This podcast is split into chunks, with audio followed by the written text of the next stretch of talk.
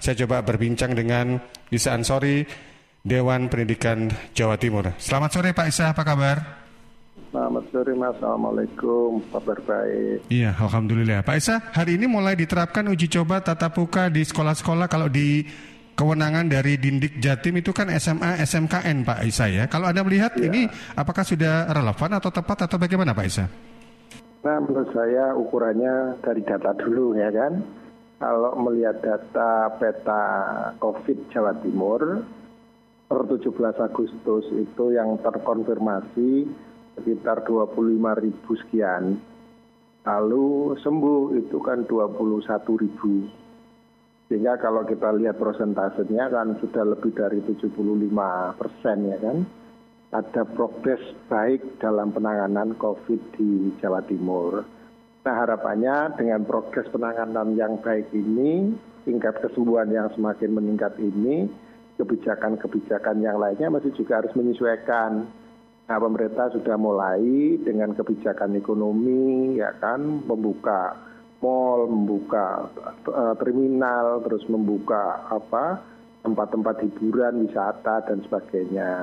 Karena itu kan bagian dari mengikuti progres yang baik itu. Tentu pendidikan juga harus begitu mengikuti uh, progres-progres yang sudah bagus itu. Yeah. menurut saya uh, wacana hari ini bahwa sekolah dibuka itu adalah momentum di tengah ketidakpastian. Nah, kenapa saya sebut ketidakpastian?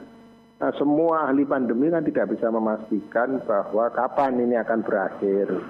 Nah, ketika tidak ada kepastian, masyarakat ini kan bingung, panik kapan sekolah dimulai. Pemerintah hadir dengan statement sekolah akan dibuka tanggal 18 Mei ini. Nah, menurut saya dibuka itu bukan bukan sesuatu yang wajib tapi pilihan. Negara punya kewajiban kan melayani bagi yang siap dilayani asal dengan protokol kesehatan yang ketat, bagi yang tidak siap diperpanjang uh, pembelajaran jarak jauhnya. Menurut saya uh, apa yang dilakukan oleh pemerintah itu bagian dari membuat kepastian pada masyarakat kita. Baik, artinya Dewan Pendidikan Jawa Timur juga mengiyakan atau istilahnya mensetujui dengan uh, konsep atau kegiatan seperti ini Pak Isa? Nah sejauh bahwa itu dijalankan dengan protokol kesehatan yang ketat, dengan syarat-syarat yang sudah disepakati, menurut saya tidak ada hal yang uh, tidak boleh ya kan. Karena uh, bagi yang siap harus dilayani, ini kewajiban negara bagi yang belum ya disilakan dilakukan pembelajaran jarak jauh. Baik. Ya sebenarnya statement ini bagian dari memberi kepastian kepada masyarakat. Iya, untuk ukuran siap tidak siap itu dikembalikan ke siapanya Pak Isa, ke kepala daerahnya kan, nah, atau ke kan, kepala sekolah? Gugus tugas ini kan punya apa yang disebut dengan protokol kesehatan.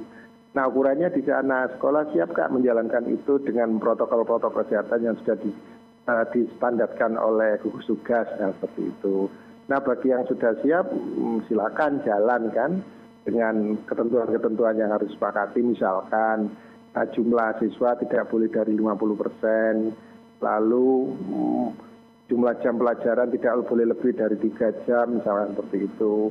Uh, alat makan tidak boleh bergantian ada cuci tangan dan sebagainya. Menurut saya itu bagian-bagian yang harus disepakati tentu ada persetujuan wali murid kan jadi penting. Nah, bagi yang dalam satu sekolah misalkan ada yang nggak siap, dia diperpanjang kan. Nah, tapi kan sekolah juga harus melayani. Yeah. Nah, menurut saya ini adalah uh, bentuk kehadiran negara untuk memastikan bahwa pendidikan tidak boleh berhenti kan? Baik, artinya sekolah juga bisa punya hak ketika di daerahnya itu sudah ada green atau istilahnya itu persetujuan dari satgas masing-masing tempat, tapi ketika sekolah itu menyampaikan tidak siap, mereka boleh untuk menunda terlebih boleh, dahulu boleh. sekolah tatap muka. kan, tentu uh, sekolah juga katakanlah sekolah tidak siap lalu ada murid yang siap kan, nah bagaimana sekolah melayani murid yang siap itu, maka solusinya kan guru kunjung kan seperti itu. Hmm. Karena apa? Uh, selama masa pandemi itu kan dipastikan Eh, negara tidak hadir melayani pendidikan yang kualitas, berkualitas uh, yang berkualitas dan bermutu. Anak-anak tidak mendapatkan guru yang baik, pendampingan yang baik, sarana prasarana yang baik kan. Baik, sekolah dalam hal ini menjadi tempat yang bisa dikatakan uh, rentan terhadap penularan begitu. Apakah uh, dalam hal ini Dinas Pendidikan Jawa Timur juga sudah melakukan edukasi atau sosialisasi mengenai apa dan bagaimana ketika proses belajar mengajar itu sampai sedetil mungkin misalnya ada yang harus dibenahi atau yang harus dipenuhi ketika proses belajar mengajar atau tatap muka itu dilakukan, Pak Isa? Ya, dinas pendidikan punya apa yang disebut dengan pedoman melaksanakan pendidikan jarak jauh. Mereka punya kan sudah diedarkan ke sekolah-sekolah.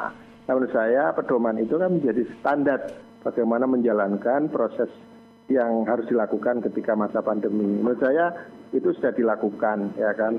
Tapi yang menjadi penting sebetulnya eh, bagaimana hadirnya negara untuk melayani itu semua.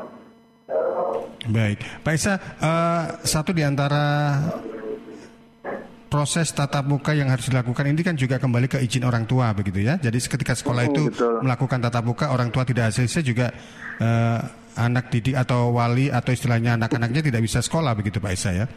Itu menjadi hal yang sifatnya uh, menjadi ukuran penting juga untuk sekolah itu melaksanakan tatap muka atau tidak Pak Isa.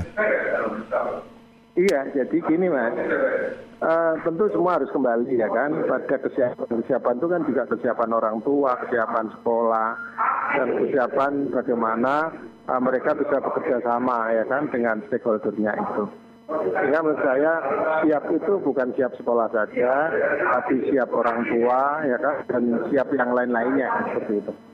Iya, baik. Pak Esa kita tidak tahu kan karena uh, saya jadi ingat apa yang pernah disampaikan oleh Ketua Tim Kuratif uh, Dr. Joni Wahyuadi mengatakan kalau COVID-19 ini kan sifatnya densing ya bisa naik turun.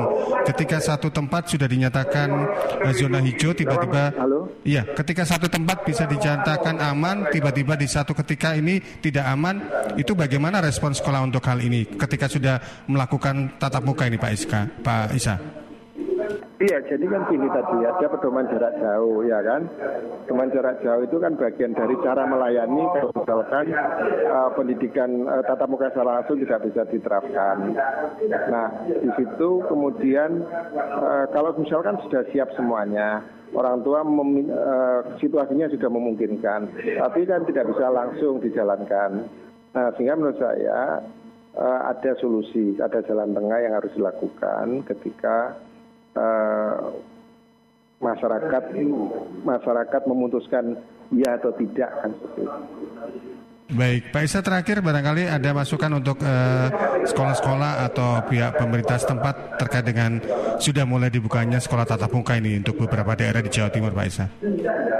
Ya, menurut saya begini, ada kisah begini ketika uh, Hiroshima dan Nagasaki dibom oleh sekutu yang ditanya oleh Kaisar itu kan bukan berapa jumlah tentara yang tertinggal kan, tapi berapa banyak jumlah guru yang tertinggal. Apa maknanya? Pendidikan itu penting, nggak boleh berhenti dalam situasi apa pun. Nah kalau kita tarik di tempat kita, meski masa pandemi, maka pendidikan tidak boleh berhenti. Tinggal persoalannya bagaimana kita menjalankan pendidikan di masa pandemi itu.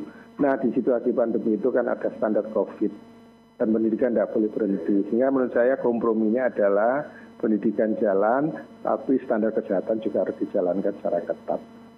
Ya, baik, Pak Isa terima kasih untuk waktunya. Selamat sore, salam sehat juga untuk Selamat kita sore. semua Pak Isa. Assalamualaikum. Waalaikumsalam warahmatullahi wabarakatuh.